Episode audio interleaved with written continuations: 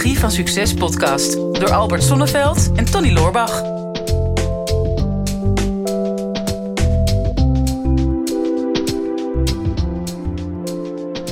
Albert, ik heb echt een vraag binnengekregen.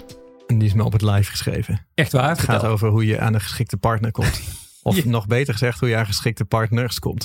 En dat vind ik helemaal een interessante vraag. Waarom voor één partner gaan als je voor meerdere partners kan gaan? Ja, dat bedoel ik zeker in deze tijd van Tinder en, eh, en Ja. allerlei andere datingsapps die er zijn natuurlijk. eh. maar was dat wel precies de strekking van de vraag, eh, Tony? Want- Dit, dit is wat ik eruit heb gehaald. ik, ik dacht van, ja. als ik die vraag zo om kan vormen naar hoe ik aan twee partners kom, dan, en ik kan dat van Albert leren, dan ben ik dan wel benieuwd naar. Ja. Ja, daar heb ik wel, maar dat doen we even na de uitzending. eh, ga ik dan... Laten we ons in ieder geval concentreren op de vraag van Gust was het volgens mij, hè? Ja, klopt. Want ik zei in het verleden altijd van eh, twee partners, weet je. Als ik twee mensen tegelijkertijd teleur wil stellen, dan ga ik wel met mijn ouders uit eten. Dat was toch ongeveer vanaf jouw geboorte, of niet? nee, we hebben een vraag van, eh, van Gust. Ehm, Gust zegt, beste Tony, ontzettend bedankt voor de podcast. Eh, met Albert Sonneveld elke aflevering geluisterd natuurlijk. Ik heb zelf ook een vraag, want jij hebt verschillende bedrijven. Je kunt natuurlijk niet overal aanwezig zijn. Maar waar vind jij een geschikte partner? En wanneer weet je dat die partner geschikt is? Ik zou namelijk zelf iets met een ander op willen richten, maar ik weet niet hoe ik aan een geschikte partner kom. Ja, Dus nu ik het nog een keer lees, vraagt hij inderdaad ook maar één partner. hè? Dus Het gaat- het gaat ik echt heb echt gelezen wat ik wilde lezen. Ja, ja. Nou ja, het is, ehm, ja, dat is natuurlijk een, een hele bijzondere vraag die ik me ook kan voorstellen. ehm, vaak andersom maak ik mee dat mensen graag een bedrijf willen oprichten ehm, en dan al iemand gevonden hebben. Hè. Die willen Mhm. dat dan bijvoorbeeld met hun beste vriend of met ehm, een familielid zeggen van nou ja, Mhm. eh, ik ga samen een bedrijf beginnen. Ja. Nou, die ervaring heb ik ook. Ehm, en die ervaringen zijn wisselend. Eh, eh, sommige die, eh, die zijn heel goed eh, afgelopen. Andere zijn afgelopen soms in rechtszaken. Hm. Waarin ik eh, veel geld ben kwijtgeraakt. Niet alleen aan de advocaat, maar uiteindelijk ook aan de tegenpartij. Wat Mhm. niet terecht was. Maar, ehm, dus de eerste vraag die ik tegenwoordig stel aan iemand die zegt van ja, ik wil graag samen een bedrijf eh, gaan beginnen.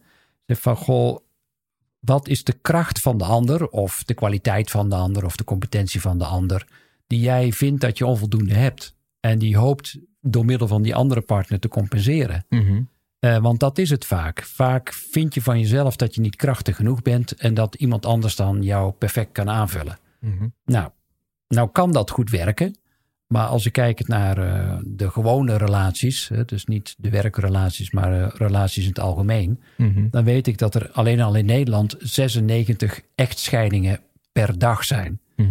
En, ehm, en niemand die een huwelijk begint met een heleboel tierlantijntjes eromheen. Eh, soms zie ik wel eens, als ik bij zo'n locatie kom, zo'n trouwlocatie, zie ik zo'n echtpaar met paard en een koets en al- Mhm. alles eromheen. En dan denk ik, zal ik alvast mijn visitekaartjes gaan uit. Ja, precies. Ja. Als het misgaat, dan ben ik er voor je. Dan, dan, dan ben ik er voor je. Ja. En dat is een beetje, dat klinkt een beetje wrang natuurlijk. En, of cynisch, dat is zeker niet zo bedoeld. Maar het is wel de realiteit dat, dat je vaak een, een relatie begint vanuit twee zwaktes die er zijn, die je dan hoopt bij elkaar te kunnen versterken. Mhm. En daar gaat het vaak mis in de kern. Ehm, de andere kant heb ik ook gezien. Hè, dat ik bedrijven heb gezien waarin mensen, twee partners, super complementair zijn aan elkaar. Hè, ik, als ik kijk naar mijn eigen bedrijf, dan, ja, dan ik ben de conceptuele denker. Ik creëer. Ik vind het niets fijner dan zeg maar, creatief bezig te zijn. Eh, En Karen is veel meer van eh, de zakelijke kant en het zeg maar aan de binnenkant ehm, op orde krijgen van de organisatie. Mhm. Ehm, nou ja, zonder haar zou ik nooit zo met mijn bedrijf gegroeid zijn eh, als wanneer ik het in mijn eentje heb gedaan. Dus het kan Mhm. ook heel complementair werken. Ja. Die eerste vraag is essentieel. Wat vult die aan en ben ik eventueel in staat, eh, die partner, om dat ook zelf te kunnen doen? Of misschien zelfs wel in te huren, zonder dat ik het ehm, daadwerkelijk me ook verbind aan het eh, verdelen van de aandelen. Hè? Want daar gaat het vaak ook mis, 50-50 aandelen. Ja, klopt. Maar dat is. Kijk, er zit natuurlijk bij heel veel mensen zit er gewoon helemaal niet echt een heel goed doordachte reden achter van waarom jij dan met een partner iets wil starten. Hè? Met een partner iets starten komt vaak vanuit een bepaalde angst van ik wil het niet alleen doen of ik wil er niet alleen voor staan. Dus dan hoop je die veiligheid te zoeken in de ander, die waarschijnlijk precies hetzelfde over jou denkt. En die, die vertrouwt het zelf ook niet. dus dat, dat, dat werkt niet. En ik denk, het is inderdaad precies dat geven. Je moet iemand hebben die iets toe weet te voegen wat jij zelf niet kan toevoegen. Hmm. Of niet wil toevoegen, is ook natuurlijk een belangrijke. Ja. En wat de organisatie wel nodig heeft. En als ik kijk naar hoe ik dat heb. Um, ik zit dan in uh, zes bedrijven. En in alle bedrijven heb ik uh, één of meerdere compagnons. Um, en dat zijn allemaal mensen die iets toevoegen wat ik niet kan toevoegen. Of wat ik niet wil toevoegen. Uh, als ik kijk naar de softwarebedrijven, ja, daar heb ik partnerships met programmeurs. Ja, die bouwen de tool. En ik vermarkt die tool. Nou, ik kan geen letter programmeren. Dus zonder die jongens zou ik in principe geen tool hebben. Nee. maar ja, zij uh, houden niet van marketing, houden niet van verkopen, houden niet van klantenservice, niet van organisatie opbouwen. Die willen niet die financiële stress hebben van het geld moeten verdienen. Die willen gewoon lekker vrijheid programmeren. Uh, en dan is het een hele logische combi. Ja. Hè? Maar kijken we bijvoorbeeld hoe ik dat in de IMU heb. Uh, daar heb ik dan een partnership met Martijn. Uh, die is begonnen als klant. Die ging daarna op de klantenservice. Werd daarna de manager. En daarna werd hij mede-eigenaar. Maar dat is dezelfde verdeling als die jij met Karin hebt. Hij runt het op de werkvloer. En hij is daar veel beter in dan dat, dat het ik eruit ben. Hè? Hij staat ook echt midden in het team. Heeft veel groter empathische vermogen. Die houdt, zeg maar, dat is echt de lijn tussen het team. Hè? Dat houdt iedereen bij elkaar. En ik zou dat heel graag willen kunnen. Maar ik weet dat ik daar niet zo heel goed in ben. He, dus, Nee. dus daar hebben we. Nee, ja, dat hoef ik nog niet meteen zo snel te bevestigen. Maar ik denk, ja, daar hebben we gewoon naar gekeken. Ik denk, ja, dat is, dat is fijn. Uh, want dan kan je dat stuk echt loslaten. Als jij er echt zelf van overtuigd bent dat iemand anders daar beter in is dan jij, dan pas kan je het echt loslaten. En dat geeft jou ook weer de vrijheid om datgene te doen waar jij heel sterk in bent. Dus dat is inderdaad de basis. Alleen bij mij zijn de partnerships wel allemaal voortgekomen met mensen waar ik eerst jarenlang mee heb gewerkt in deze vorm. Voordat we naar de notaris zijn gegaan om zeg maar in het huwelijk te treden. Hè? Om die aandelen uit te wisselen. Ja. En dat zou ik niet zo heel snel doen met iemand waarmee ik niet die werkervaring heb. Nee, dus dat is al gelijk een antwoord uh, richting Gust. Hè? Want Mhm. uh, die zegt, waar vind ik zo iemand? Mhm. Nou, een van jouw gouden tips is dus... Um, nou, kijk vooral heel dicht om je heen. Hè? Mensen waar je al mee samengewerkt hebt, want die ken je. Mhm. Die, die ken Ja. je als het goed is in voor- en tegenspoed. Het is ook niet voor niets dat veel mensen eerst lang gaan samenwonen... voordat ze het huwelijksbootje instappen. En dat is ook om die reden. Je wilt elkaar toch eerst beter leren kennen op heel veel verschillende niveaus. Dus, dus dat is wel volgens mij ook uh, een van de beste tips die we kunnen geven als het gaat over waar vind je die dan? Die vind Ja. je dan in je directe omgeving. Iemand die Ja. je door en door vertrouwt. En als je die niet direct kunt vinden, zou mijn advies zijn om desnoods voorlopig iemand in te huren waar je ook weer makkelijk van af kunt. Hè? Want het gaat Mhm. over, voordat je welke vorm van samenwerking ook uh, aangaat, is dat je je exit net zo goed of misschien zelfs beter geregeld moet hebben dan uh, Mhm. de entree van iemand. Ja. Omdat um, we één ding weten in het leven, dat um, alles verandert en dat niets constant is. En dat betekent dat een relatie uiteindelijk ook weer eindig zal zijn. En dat klinkt heel dramatisch, maar alles is uiteindelijk vergankelijk. Dus Mhm. je, je moet zo realistisch zijn dat je weet dat er een fase komt in iemands leven. Zegt van nou ja, ik heb mijn ervaring gehad, dank je wel. Mhm. Ik ga, ik ga naar de volgende ervaring. Wat een hele natuurlijke uh, verloop is van een samenwerking. Sowieso. Van Mhm. iedere vorm van relatie. Dus um, ja, als je zo reëel bent, kijk of je vanuit die reële ogen kunt kijken naar uh, mensen die je uh, vertrouwt in eerste instantie. Mhm. vertrouwt op basis van hun competentie en vertrouwt op basis van hun motivatie. Ja. want dat zijn ook de twee um, parameters die je sowieso heel helder moet hebben als je weet wat je zelf tekort komt en aangevuld wil hebben, welke competentie mis ik en welke motivatie op welk gebied mis ik. Mm-hmm. En op basis daarvan kun je, je kunt natuurlijk allerlei dingen organiseren die niet zo heel veel afstaan van de normale relatiemarkt. Want je kunt uh, bijvoorbeeld bijeenkomsten organiseren mm-hmm. rondom een bepaald thema. Uh, je kunt dus naar bepaalde sprekers gaan luisteren waarvan je denkt, oké, okay, dat is een mooi rolmodel om daarmee te gaan samenwerken. Uh, hoe, hoe werkt je in de praktijk, ja. bijvoorbeeld? Ja, maar dat is denk ik gewoon de vraag van inderdaad van wat, wat wil jij ingevuld hebben door iemand anders in plaats van door jezelf. En uh, dat de, die rol, is het daarvoor noodzakelijk dat iemand daarvoor aandelen heeft in jouw bedrijf. He, dus moet diegene zich mede-eigenaar voelen of zou uh, bijvoorbeeld een salaris volstaan of zou een topsalaris volstaan. Dus dan moet je durven investeren. Maar ja, liever als je echt vertrouwen hebt in je business, dan betaal je liever een hoog salaris aan iemand dan dat je iemand mede-eigenaar maakt. Als het echt voor de motivatie geen verschil maakt of voor het eindresultaat. Of kan je eventueel werken met een variabel salaris. Want je hoeft iemand niet per se feitelijke aandelen te geven om iemand variabel te belonen. Je kan ook gewoon target stellen of zeggen van nou, ik verdeel zoveel van de winst. Of het eerste jaar krijg jij zo'n percentage van de winst. Ook daarmee kan je wel het een en ander zoeken. Want als je gaat samenwerken met iemand die je niet kent, dus dat is ook een beetje de raar, het gekke aan de vraag van ja, waar vind ik zo iemand? Ja, hmm. die vind je niet. Je gaat niet uh, op vacaturebank zoeken naar een compagnon. En je gaat ook niet naar een seminar toe uh, met gelijkgestemden voor een compagnon. Misschien wel voor een connectie en voor een startende vriendschap, maar niet meteen voor, voor een compagnon. Daar moet je gewoon heel erg, uh, heel erg voorzichtig mee zijn. Dus ja, wat, wat wil je neerzetten? En, um, en wat voor rol wil je ingevuld hebben? Ja, we gaan ervan uit even dat onze Gust uiteindelijk wel de zakenpartner vindt uh, die bij hem past. Mhm. Bij zijn dromen. Ja.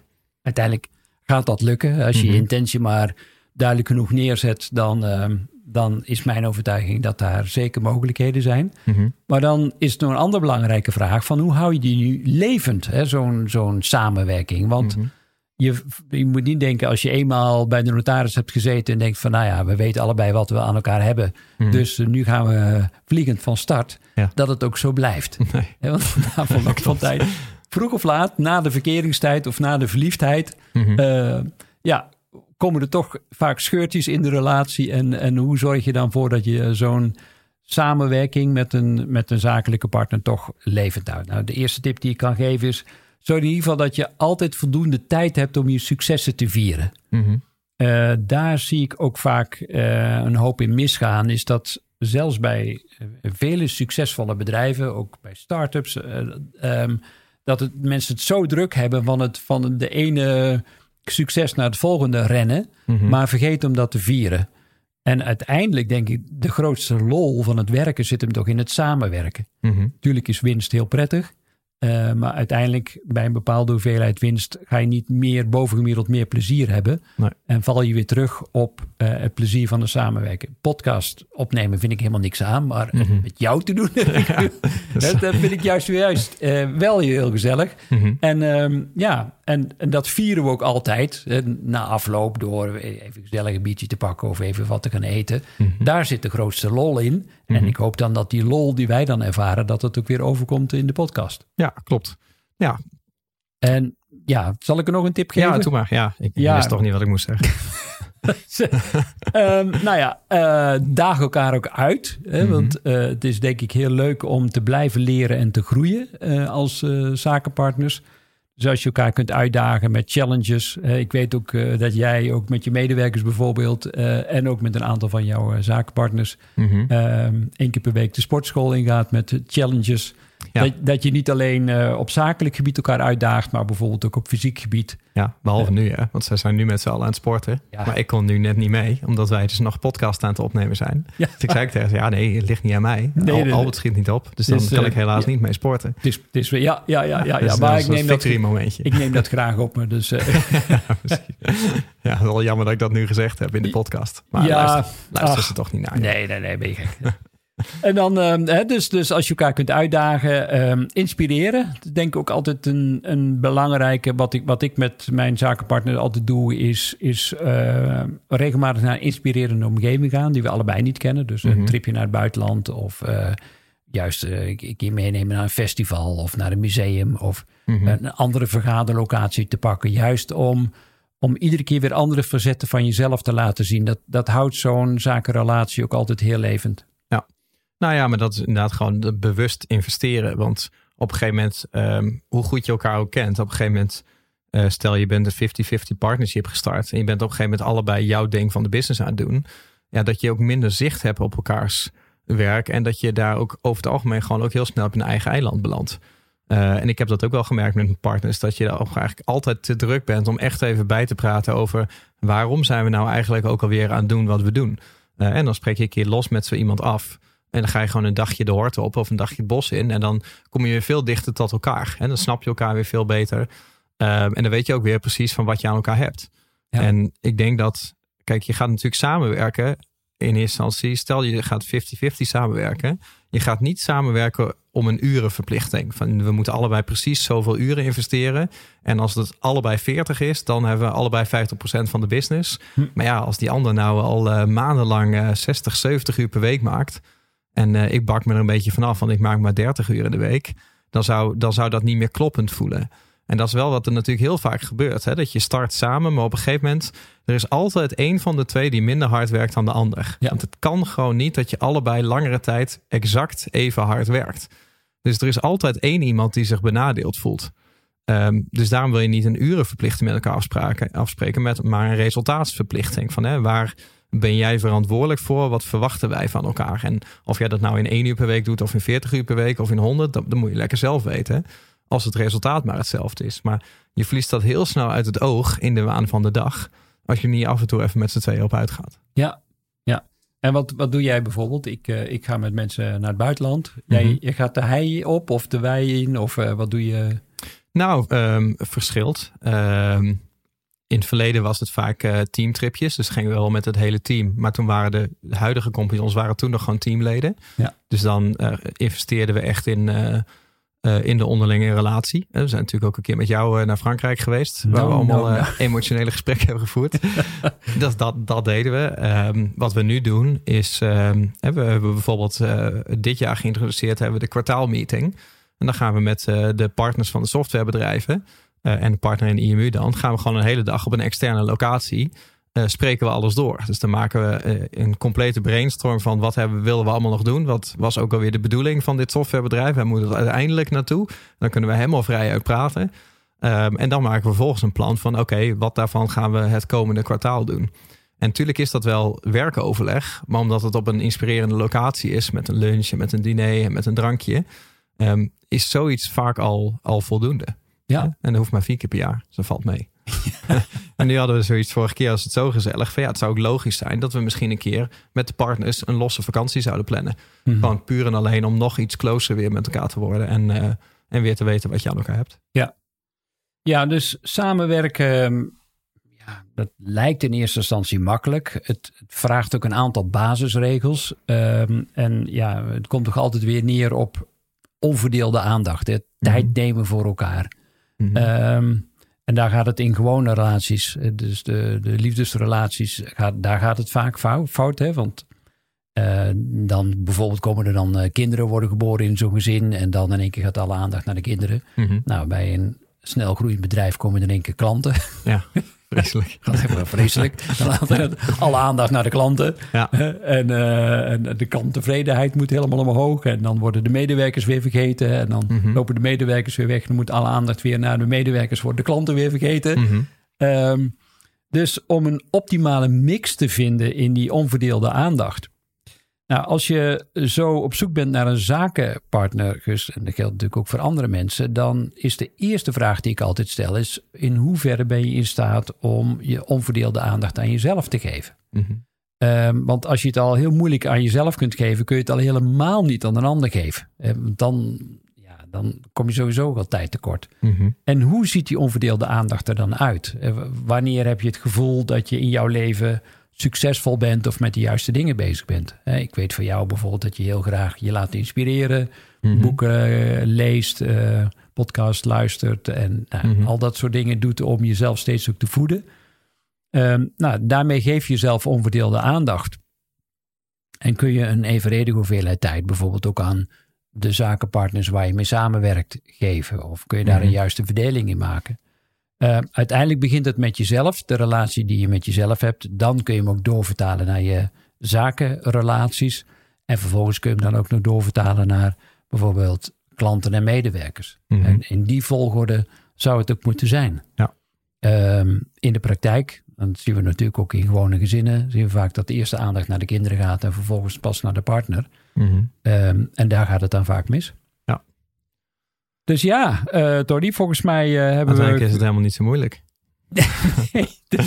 ja, maar dat geldt natuurlijk weer voor alles. Het is een kwestie van doen. eh, Mhm. Je daar bewust van zijn. Daar verantwoordelijkheid voor nemen en daar ook naar handelen. Dat is altijd weer... eh, Ja, en ik denk dat er, dat er heel veel facetten in deze podcast zitten. Ik denk met name Gewoon waar het meestal misgaat is natuurlijk dat eerste stuk van gewoon een partner zoeken omdat je maar een partner wil hebben. Terwijl je eigenlijk helemaal niet precies weet waar je die partner dan voor nodig hebt en of het zonder die partner niet ook wel was gelukt. Ja. Eh, en ik denk als het zonder partner kan, dan zou ik altijd zonder partner starten. Ja. Eh, want dan, dan own je je business en dan weet je gewoon dat het, dat het goed staat. Maar zodra het punt komt, ik vind ik heb echt iemand anders zijn expertise nodig. Zoals ik bijvoorbeeld had van oké, ik start echt een softwarebedrijf. Dan is voor mij de keuze logischer om een ontwikkelaar als partner te nemen. Want dan kan ik zeggen van oké, ik betaal geen investering in die software, maar ik geef jou aandelen. En dan zijn we er allebei bij gebaat dat het ding zo snel mogelijk gaat renderen. Um, dat, dat geeft een heel, heel veilig gevoel. En dan weet je ook dat die ontwikkelaar altijd de zorg draagt over die techniek. En dat is een beetje een uitzonderingsgeval. Ja. Um, dat kan een reden zijn om dat te gaan doen. Hè? Maar in heel veel gevallen is het daar veel te vroeg voor. kan je beter op een andere manier gaan samenwerken. En als dat dan goed bevalt, in een later stadium nog eens een keer een tripje naar de notaris plannen. Oké. En wil je me dan uh, daarna nog even iets uitleggen over Tinder? Want uh, dat doen we wel na de podcast. Ja, leg, leg ik zo wel even. Ja. Het, is, het is niet moeilijk. Ik leg je wel even uit. Dit is de Psychologie van Succes podcast door Albert Sonneveld en Tony Loorbach. Ja, beste luisteraars, dat was hem alweer voor vandaag. Weer een aflevering voorbij van uh, de Psychologie van Succes. Ik hoop dat je het waardevol hebt gevonden en um, wat je ons dat ook zou willen laten weten. Uh, mocht je nog niet geabonneerd zijn op onze podcast, doe dat dan even. En wat we heel erg tof zouden vinden, is als je ook even een review zou willen achterlaten. We vinden het natuurlijk heel leuk om te horen van jou wat je van de podcast vond, welke inzichten je eruit hebt gehaald en om dat natuurlijk in de review-sectie terug te gaan lezen. Heb je nou een vraag en je zou graag met jouw vraag in de uitzending willen komen? Stel hem dan op de social media. Onze kanalen zijn vooral LinkedIn en natuurlijk Instagram. De beste vragen pakken we eruit en grote kans dat je dan terugkomt in deze podcast.